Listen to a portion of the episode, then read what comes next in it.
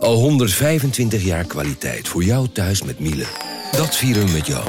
Ontvang nu tijdelijk een cashback tot 125 euro op veel Miele-apparatuur. Geniet van de kwaliteit van Miele. Voor perfect verzorgd wasgoed en kleding die veel langer mooi blijft.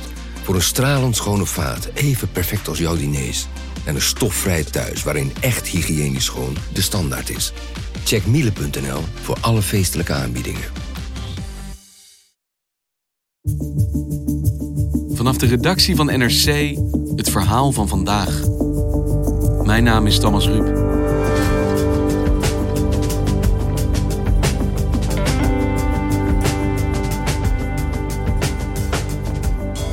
Hongkong is veranderd in een slagveld. Demonstranten, verschanst in een universiteit en omsingeld door politie, gebruiken middeleeuwse tactieken. Ze vechten met pijl en boog, speren, katapulten, terwijl de politie traangas schiet. Dialoog lijkt verder weg dan ooit. Terwijl alleen praten, zo ziet correspondent Gary van Pinksteren, deze spiraal kan doorbreken.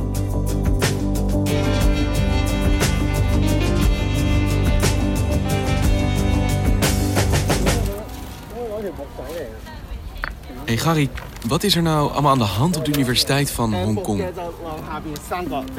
Ja, ik ben daar geweest en daar, toen waren ze allemaal bezig met allemaal bakstenen uit de grond te halen en die op stapeltjes te leggen. En over die bakstenen heen legden ze dan weer lange bamboe pijpen eigenlijk. En daarmee probeerden ze dan de politie tegen te houden. Er waren heel veel wat oudere mensen, gewone mensen, die langskwamen uit hun werk toen ik er was. Die dan tasjes bij zich hadden met daarin dingen te drinken. Maar ook bijvoorbeeld heel veel instant noedels en dingen waarmee mensen die gewond zouden zijn, zouden kunnen verbinden. Eigenlijk om hun steun uit te drukken aan die studenten die daar bezig waren met die belegering van de universiteit. Um, making some barricades to preventing police, riot police for sudden attack. I think they will make some attack with some tear gas, rubber bullets, etc. Yes. En ze waren ook muurtjes aan het metselen. Er lagen zakken cement. Waarmee dan hele, ja, toch wel erg krommige en schevige muurtjes eh, werden gebouwd. Je kon wel zien dat het, eh, ja, dat het studenten waren en geen metselaars. Maar om ook maar te proberen dat als de politie zou binnenvallen... dat ze die dan tegen zouden kunnen houden. Ze hadden ook eh, planten uit de potten getrokken. Een beetje drogige planten met kluiten aarde. En ja, als het nodig is, kan je die ook gooien en je kan die ook nog in brand steken. Dus ze waren op een hele vrij primitieve manier bezig eh, om zich in te graven tegen een mogelijke inval van de politie. Want ze gebruiken ook bepaalde middeleeuwse methodes, hè, die studenten. Ze hebben natuurlijk eigenlijk geen wapens, behalve dan die brandbommen, die benzinebommen die ze zelf maken.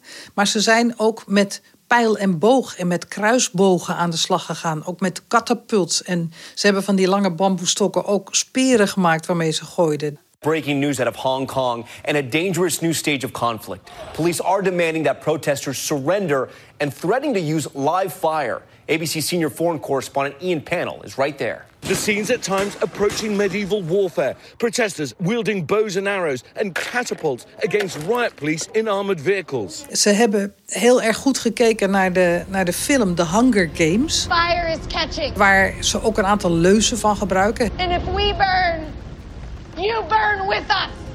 Just before dawn, the rumors started spreading, and so did the fire. The protesters hid themselves behind walls of fire. All summer and now autumn, they've been saying, if we burn, you burn with us.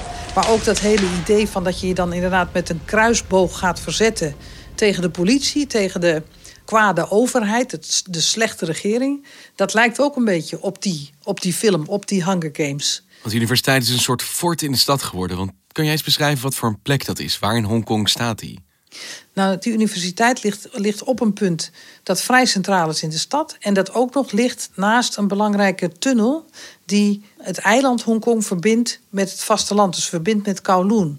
En vanuit die universiteit, want er is een soort grote loopbrug boven die tunnel, is het ze gelukt om die tunnel ook eigenlijk te blokkeren. Daar rijdt nog steeds geen auto doorheen. Dus het is ook een belangrijk strategisch punt als je wegen wil blokkeren in de stad, om juist daar te gaan zitten.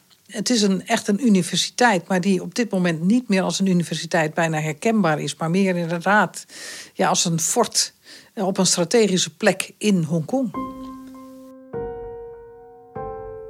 En wie hebben zich daarbinnen verschanst? Ik heb daar met verschillende mensen gepraat. En een aantal mensen waren gewoon studenten van die Technische Universiteit zelf. Eh, maar er waren ook een aantal mensen bij die zich heel erg betrokken voelen bij deze, wat zij zien als een vrijheidsstrijd van Hongkong. En die zich dus komen uh, aandienen om te helpen op elke plek waarvan ze denken: nou, daar zijn wij misschien nodig, daar kunnen we iets nuttigs doen. En dat klopt ook wel een beetje met wat de hoogste leider van Hongkong daarover zegt, Carrie Lam. En ook de leiding van de universiteiten hebben dat gezegd. Het zijn niet allemaal mensen van ons. Hoeveel mensen zitten daar binnen verschanst? Nu niet meer zoveel. Er zijn er nog een stuk of 100 over. Het waren er eerder 500, 600, 700, zoiets dergelijks. Eh, maar die zijn een stukje bij beetje naar buiten gekomen. Een deel kon nog weggaan, omdat de overheid zei van als je, als je voor een bepaalde tijd weg bent, dan mag je er nog gewoon uit. Een deel is ook uitgebroken, vaak op heel spectaculaire manieren. Hè. Er zijn er een paar die zijn van de brug over de weg, die zijn daarvan geabseild.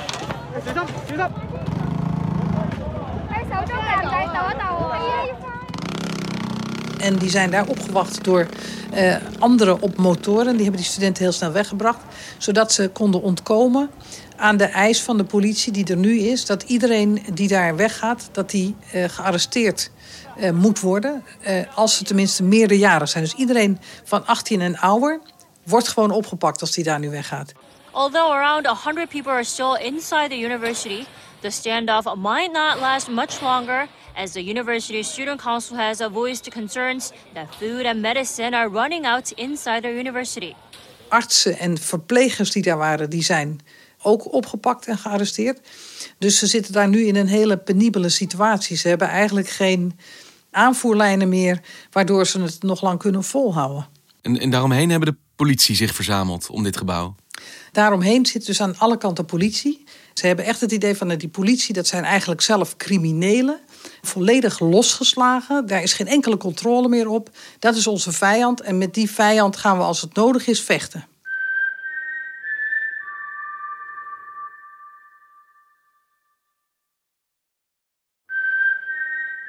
En deze universiteit is nu een symbool geworden van de opstand in Hongkong, die inmiddels al bijna een half jaar gaande is. En ik weet van de vorige keer dat jij in Hongkong zat en we elkaar spraken, dat dit begon allemaal met een uitleveringswet. Ja, dat klopt. Er was een, een wet waarbij je dus inderdaad uh, criminelen uitgeleverd zouden kunnen gaan worden aan China. Uh, daar kwam toen protest tegen en die wet is ook ingetrokken. Maar dat is, heeft zo lang geduurd dat ondertussen de mensen een heleboel andere eisen ook formuleerden. Their demands have grown and become a unifying force for millions of Hong Kongers. The public seeks the government's direct response to the five major demands en daarvan hebben ze gezegd, die moeten allemaal ingewilligd worden. Nou, dat is niet gebeurd. Uh, en daardoor zijn die protesten nog steeds maar bezig gebleven tot nu aan toe. What China is doing, this is kind of imperialism. Whatever we want or not, we are now at the front line between the freedom world and the greatest dictatorship right now in, in the world. Dus wat ooit begon als een vrij overzichtelijk protest tegen een wet, is nu eigenlijk ontaard in een soort totaalverzet tegen China.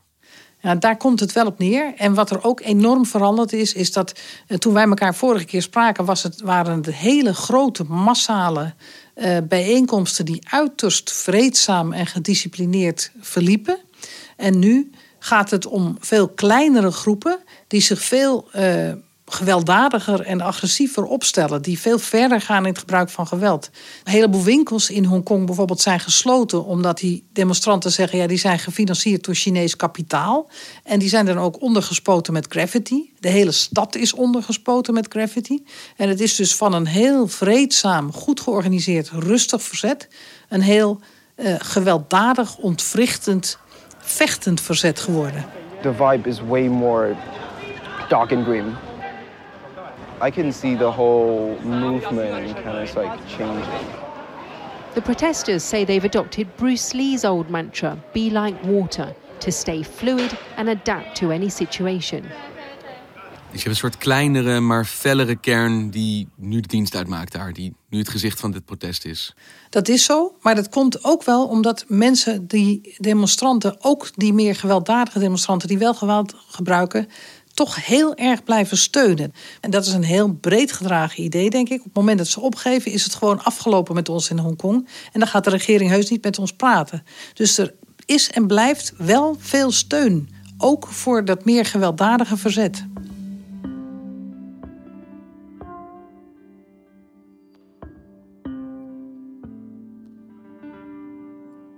Wat ik me dan zo afvraag is, hoe functioneert een stad als je zes maanden lang in verzet bent? Is dit elke minuut van elk uur, elke dag aan de gang? Nee, dat is zeker niet zo. En het is ook niet elk moment op elk, in elk deel van de stad aan de gang. Dus uh, je kunt nog gewoon naar Hongkong als toerist komen en daar gaan winkelen. Vergaderingen gaan gewoon door. Mensen gaan ook meestal gewoon naar hun werk. Het is wel zo dat de chaos veel groter is geworden. En dat bijvoorbeeld uh, dat je ook nooit meer zeker weet of de metro wel helemaal zal rijden naar het station waar jij naartoe wil. En of er wel een bus is. En af en toe zijn de straten opeens leeg, want dan zijn er barricades en dan kunnen er geen auto's meer rijden. Dus de chaos is zeer sterk toegenomen. Maar eh, gek genoeg gaat het gewone leven deels toch ook nog gewoon door. En gaan mensen nog gewoon winkelen en uiteten en naar de film. Maar de publieke voorzieningen, en ik moet dan met name natuurlijk ook denken aan politie, die zal voor een heel groot deel bezig zijn met deze strijd op dit moment. Ja, dat is absoluut zo. Kijk, de politie, het zijn maar 31.000 mensen. Dat is uiteindelijk niet zoveel. Die worden ontzettend veel ingezet. En die worden ook ontzettend veel uitgejouwd. Hè? Uh, daar wordt geroepen van jullie zijn honden, uh, jullie zijn moordenaars. Uh, daar wordt informatie over individuele agenten als, als demonstranten die hebben. En als ze vinden dat agenten zich misdragen hebben... dan worden die ook met naam en toenaam op de sociale media gedeeld. En dan worden die agenten ook wel gepest en gehinderd. En op welke manier dan? Uh, ja, dat bijvoorbeeld hun, hun huwelijken of hun, hun privébijeenkomsten verstoord worden. Dat hun kinderen en hun, hun echtgenoten daar last mee krijgen. Dus je ziet ook dat agenten uh, vroeger altijd hun gewoon hun nummer uh, en hun identificatie zichtbaar bij zich droegen. Dat is nu ook niet altijd meer zo. En dat is, zeggen de demonstranten, omdat de agenten zo losgeslagen zijn dat ze, uh, dat ze daarom niet herkend willen worden. Maar de agenten zelf die zeggen van nou, dat is uh, omdat we zoveel last krijgen met wat eigenlijk gewoon ons werk is. Het lijkt me wel een hele ingewikkelde positie om in te zitten. Want deze agenten lijken me voor het grootste deel ook gewoon Hongkongers. Belast met het veilig houden van Hongkong. Maar ze worden dus door de demonstranten gezien als een soort verlengstuk van China. Krijg jij deze mensen te spreken? Dat was heel moeilijk, maar uiteindelijk heb ik via via met uh, één vrij hooggeplaatste uh, politieman kunnen spreken. Die wilde wel anoniem blijven, maar die was behoorlijk open en een van de interessante dingen die hij mij vertelde is dat hij zei: Ik werk voor een overheid die eigenlijk heel weinig legitimiteit heeft, die niet wordt gesteund door de Hongkongse bevolking, of nog maar heel weinig. En voor ons maakt het de positie dan heel moeilijk, omdat wij dan eigenlijk plaatsvervangend voor een overheid die geen legitimiteit heeft, moeten optreden. Klinkt als een recept voor een gewetenscrisis als je agent bent in Hongkong op dit moment. Ja, hij zei ook van sommigen van ons uh, vinden dit ook moeilijk, anderen niet. Hij zet juist veel agenten op de straat die in de, zoals hij dat noemde, noemde de frontlinie staan. Die denken veel minder over die politieke implicaties na en die reageren veel meer op wat, waar ze mee te maken krijgen. En die zien het ook veel meer als hun taak om Hongkong te verdedigen. Die hebben daar minder moeite mee. Maar hij zegt er is zeker wel een, een deel van de politie die er wel moeite mee heeft. En dat wij zo ontzettend zwart gemaakt worden. We zijn maar een gewone stadspolitie. Wij zijn geen militaire politie. We zijn ook geen militairen. En je zou eens moeten kijken in de wereld of je ergens een politie kan vinden in een ander land. Uh, die zulke lange en zulke hevige protesten op de manier heeft kunnen managen zoals wij dat hebben gedaan. En daar heeft hij in die zin wel een punt. Kijk, er zijn een aantal, uh, inmiddels een aantal doden gevallen. Maar er is nog steeds niemand overleden als rechtstreeks gevolg van een kogel die is afgeschoten door een Hongkongse agent. Er is met scherp geschoten, maar ook nog eigenlijk relatief weinig. Als je het vergelijkt bijvoorbeeld politiegeweld en het militaire geweld in bijvoorbeeld Chili, maar ook in Bolivia en eigenlijk overal waar je kijkt waar opstanden zijn, dan is dat in Hongkong heel erg beperkt en toch ook gedoseerd geweest.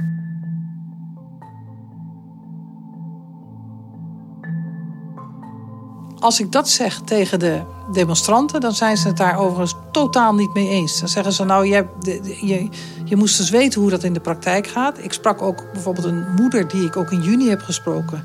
Uh, die altijd nog steeds naar de demonstraties gaat. Ja, die we vorige keer ook in de podcast hoorden. Die samen met haar dochter daarheen ging. Ja, ja. diezelfde moeder heb ik weer opgezocht. Maar die zei dat dus inderdaad van ja, ik ga nog steeds, maar mijn dochter, ik vind het echt veel te gevaarlijk. Zij gaat er eigenlijk vooral naartoe om de jongeren die dan demonstreren een beetje te proberen te beschermen. En dat doet ze door met de politie die daar is te praten. En zij zegt weer van ja, met de politie is op dit moment echt totaal niet te praten. Die zijn echt gewelddadiger geworden.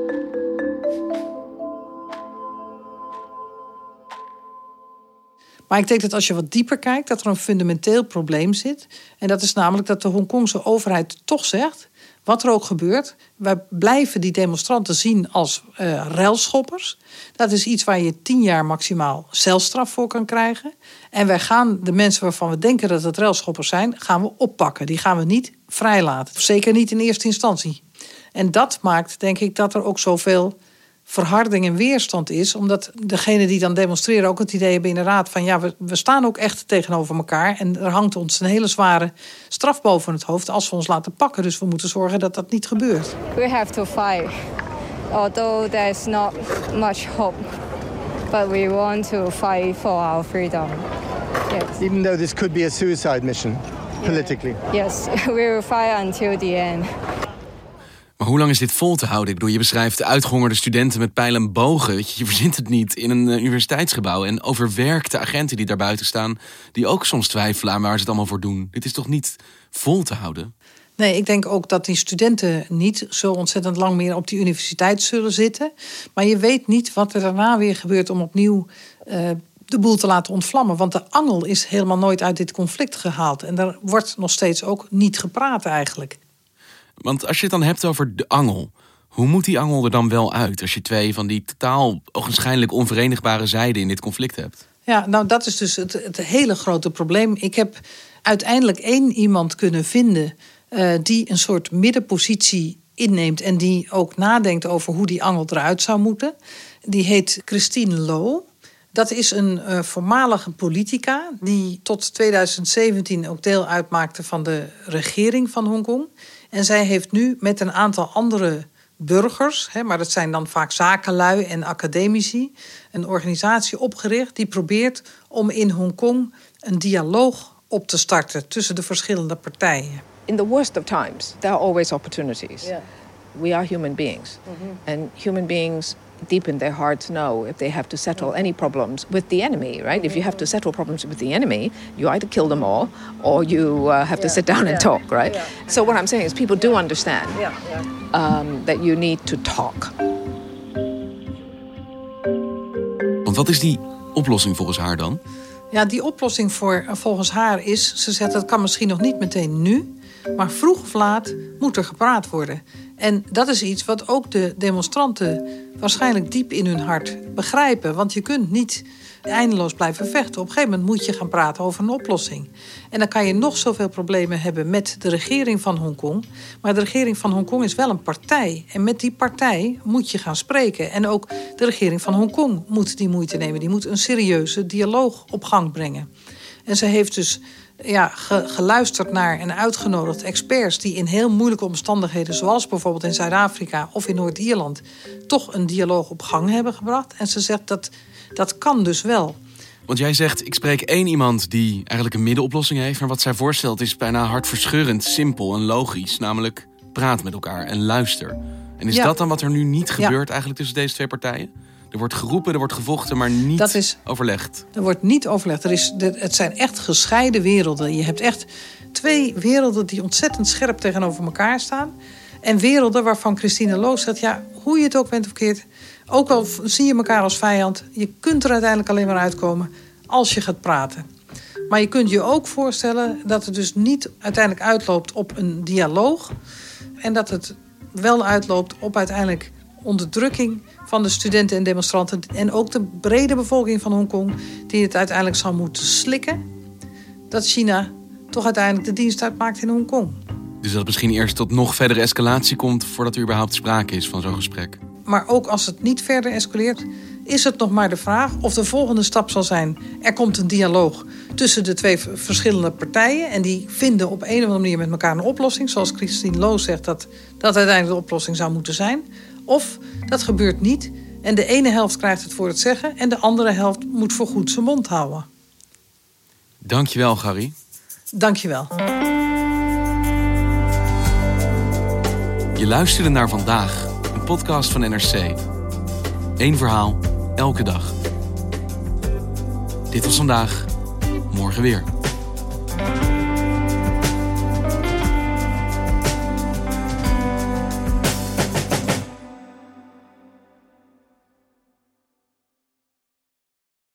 Technologie lijkt tegenwoordig het antwoord op iedere uitdaging. Bij PwC zien we dit anders. Als we de potentie van technologie willen benutten, kunnen we niet zonder een menselijk perspectief. Human-led, tech-powered noemen we dat. Ga naar pwc.nl.